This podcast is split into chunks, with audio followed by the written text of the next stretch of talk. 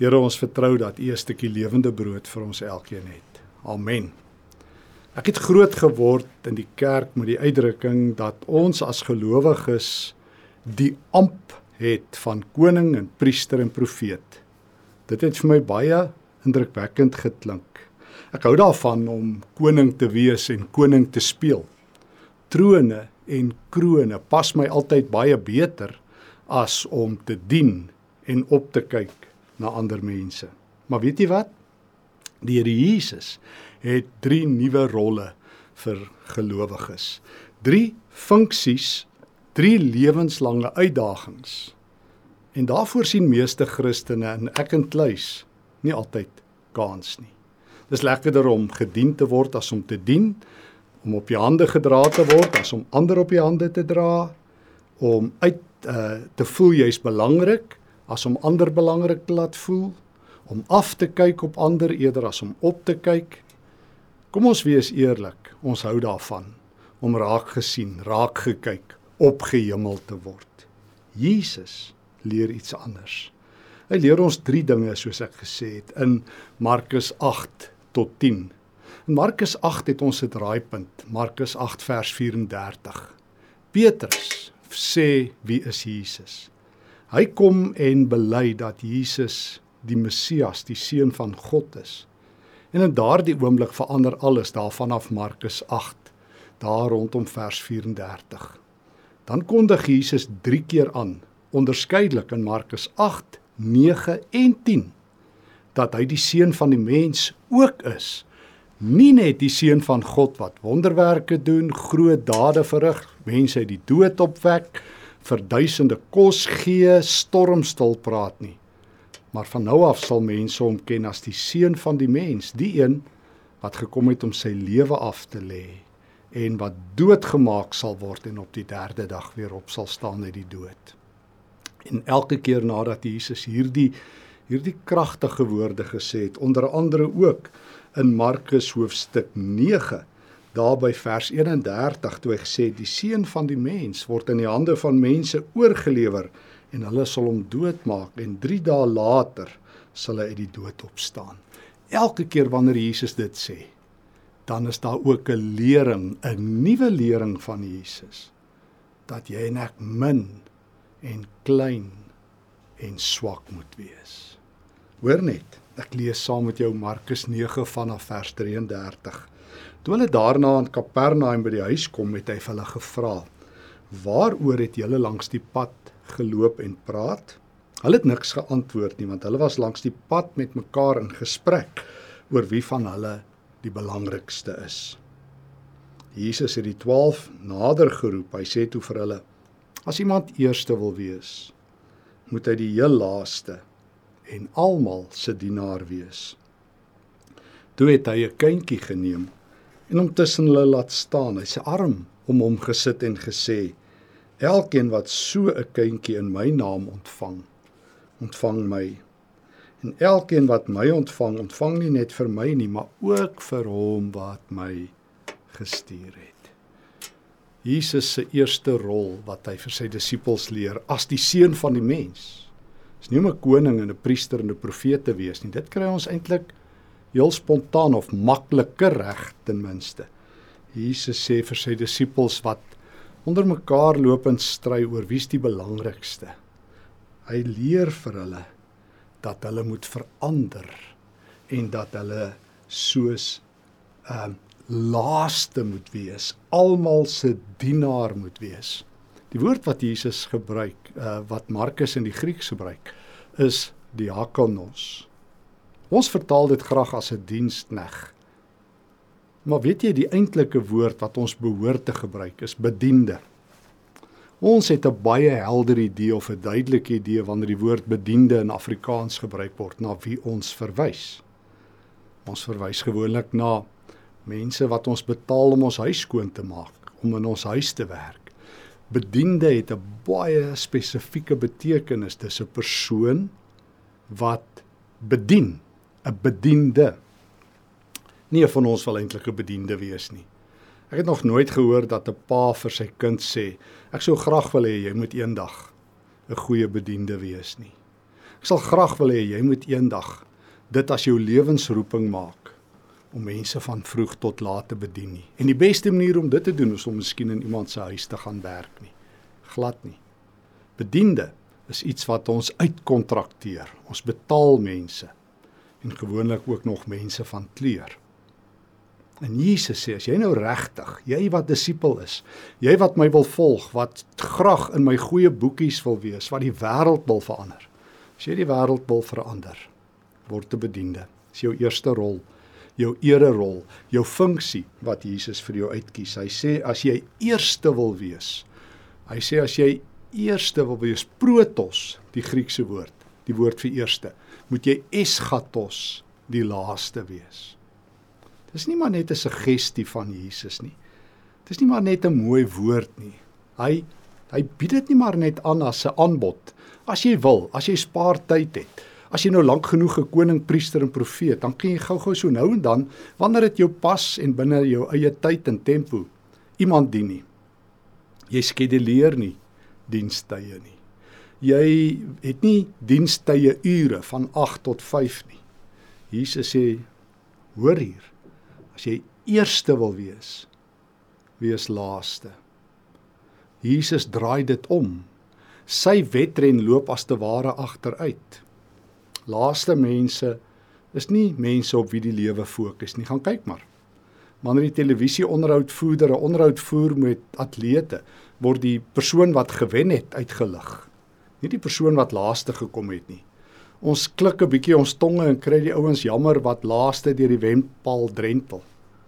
Ons wil nie een van hulle wees nie. Ons wil wen. Almal sê ag nee, dit gaan nie oor wen nie, dit gaan oor deelname. Nee, dis nie waar nie. Almal wil wen. Dit gaan oor die medaljes. En dan kom Jesus en hy sê as jy eerste wil wees, wees laaste. As jy eerste wil wees, wees laaste. En dan verduidelik Jesus dit met 'n tweede rol Ons het gelees in vers 36 hy het 'n kindjie geneem, hom tussen hulle laat staan. Sy hand om hom gesit en gesê: "As jy so 'n kindjie ontvang in my naam, ontvang jy my en nie net vir my nie, maar vir hom wat my gestuur het." Het jy gehoor? Tweede rol wat Jesus uitkies is die van 'n kind. Hy doen dieselfde in Markus 10 vers 16 in daai baie bekende gedeelte wanneer die ouers hulle kinders na Jesus toe bring om hulle kinders te seën en die disippels hulle wegjaag. Dan lees ek in vers 14 toe Jesus dit sien. Markus 10:14. Was hy verontwaardig en hy het vir hulle gesê: "Laat die kindertjies na my toe kom. Moet hulle nie keer nie, want die koninkryk van God is juis bedoel vir mense soos hulle. Dit verseker ek julle. Wie die koninkryk van God nie soos 'n kindjie ontvang nie, sal nooit daarin gaan nie." Hy het sy arms om die kindertjies gesit, hulle die hande opgelê en hulle geseën. Tweede rol wat Jesus uitkies. Nie koningspriesters en profete in die eerste plek nie, maar maar bediendes, kindertjies. Dis Jesus se gunsteling mense. Nee, Jesus kies nie kindertjies uit bloot net omdat hulle oulik, liefdevol, snaaks en uh is wie hulle is nie. Ja, kinders is dit ook en God het kinders daaroor ook lief, verstaan my nie verkeerd nie. Maar Jesus kies kinders uit omdat hulle weerloos, afhanklik, swak en nederig is. O ja, en nuuskierig. Is dit nie Paulus wat in Filippense 2 ons leer dat ons die gesindheid van Christus moet hê nie, dat ons die een die ander een hoër moet ag as onsself die eerste verse van Filippense 2. Met ander woorde, kyk op na mekaar. Dis wat kinders doen. Hulle het nie 'n keuse nie. Hulle is altyd die kleinste in enige geselskap. Jy kan maar kyk. Kindertjies moet altyd as hulle groot mense wil raak sien, opkyk na hulle. Hulle kyk van onder af boontoe. Nou sê Jesus vir groot mense, julle moet verander en soos kinders leer kyk op na God en na mekaar. Kyk totdat jy mense groter as jouself sien. Kyk totdat jy mense sterk en mooi en pragtig raak sien. Kyk totdat jy mense so raak sien dat jy plek op jou skouers het. Dat jy hulle bewonder, eer en respekteer.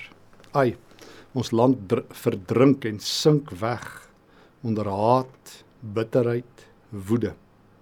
En nou kom Jesus en hy sê: "Verander. Word 'n kind. Kyk op. Kyk op en respekteer." En en en daarom, daarom is Jesus se roete eintlik weer 'n keer, soos wat sy roete met bediende word agterste voor is. Hardloop as te ware agteruit. Hoe meer jy dien, hoe vernamer is jy in God se koninkryk. Net so draai Jesus dit om. Ons dink groot mense is die belangrikste. Jesus laat ons agteruit groei. Hy wil groot mense kinders kry. Hy wil volwassenes weer kleintjies kry. Laat kleiner word. Klein kindertjies maak. En jy en ek? Hoe groot is ons nie? Hoe in beheer is ons nie? Hoe vernaam is ons nie? Hoe vol van onsself is ons nie? Hoe arrogant het ons nie geword nie. Hoe in beheer van ons eie lewe en almal rondom ons sin is ons nie. En daarom kom Jesus na ons toe en sê: "Wil jy eerste wees in my oë?" En ek is lewensernstig sê Jesus as ek dit sê. Dan moet jy verander.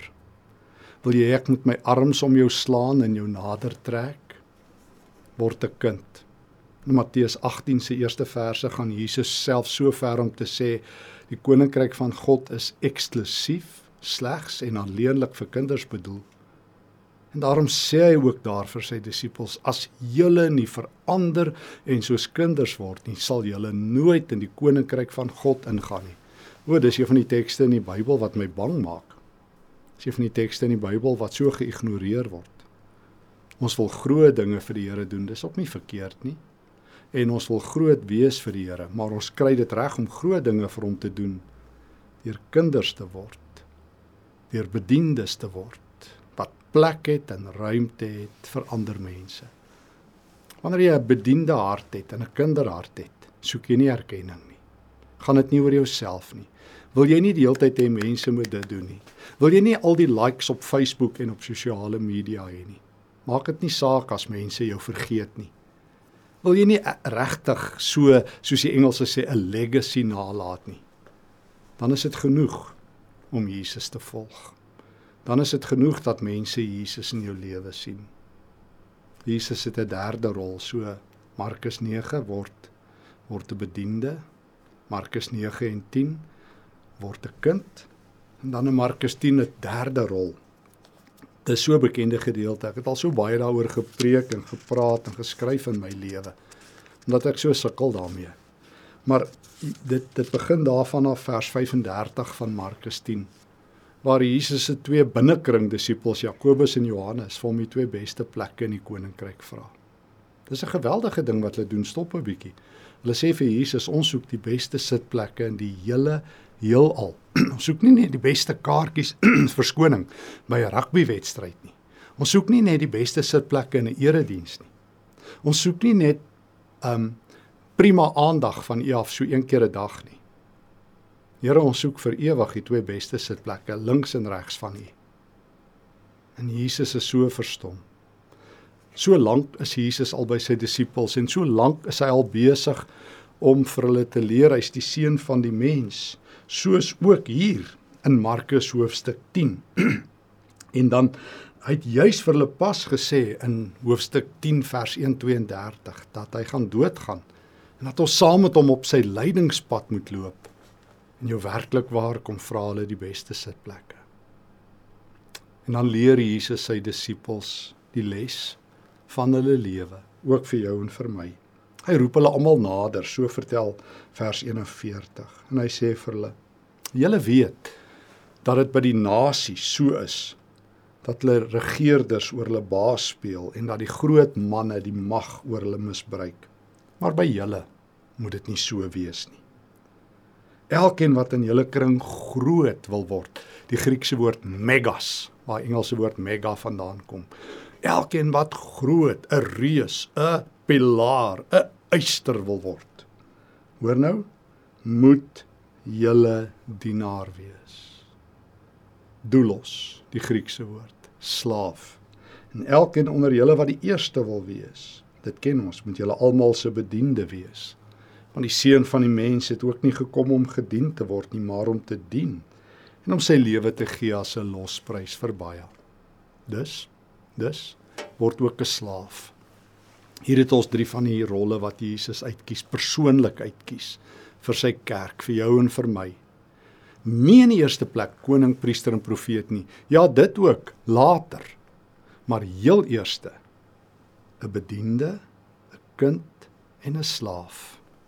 Hoe die Here kan bediendes gebruik. Hulle het nie 'n ego om te verdedig nie.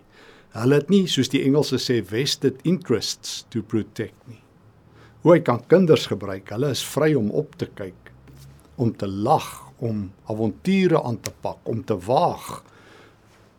En dan sê die Here Jesus word ook 'n slaaf, 'n doelos. Nou dit was geen goeie posisie om te hê in die, in die Bybelse wêreld nie. Slawe was maar honde in menslike gedaante, het die ou groot Aristoteles gesê. En tog tog is dit die beeld wat Paulus die meeste vir homself uitkies. O ons onthou hy is 'n apostel. Maar ons lees mis, wie weet hoeveel kere noem hy hom die slaaf van Jesus. In 2 Korintiërs 4 sê hy hy is Jesus se slaaf en ook ons slaaf, sodat die evangelie as te ware bo oor hom as die brug kan ry na mense toe en terug. Paulus meld aan met die servet nie om sy nek nie, maar oor sy arm. Die voorskoot hang aan hom om ander te dien. How can I serve you? is eintlik sy vraag. Hoe kan ek julle bedien as bediende van die Here, as slaaf van Christus? sodat God se goeie nuus julle kan tref. Wil jy megas wees? Wil jy groot wees? Word 'n doelos. Wil jy protos wees, die eerste? Wees die eschatos, die laaste. Kleiner is groter, swakker is sterker. Agter is voor, onder is bo. Kinders is die vernaames. Laastes die ongehoordes, ongesienes agter die skermspelers. Hulle tel. Wat doen 'n bediende? 'n Bediende doen wat die Heer wil hê. Dis wat Jesus vertel in Lukas 17. Wanneer hy die gelykenis vertel daar in die begin van Lukas 17 van die slaaf wat heeldag vir sy eienaar gewerk het. En dan kom hy die aand terug en dan daar gaste opgedaag by die eienaar.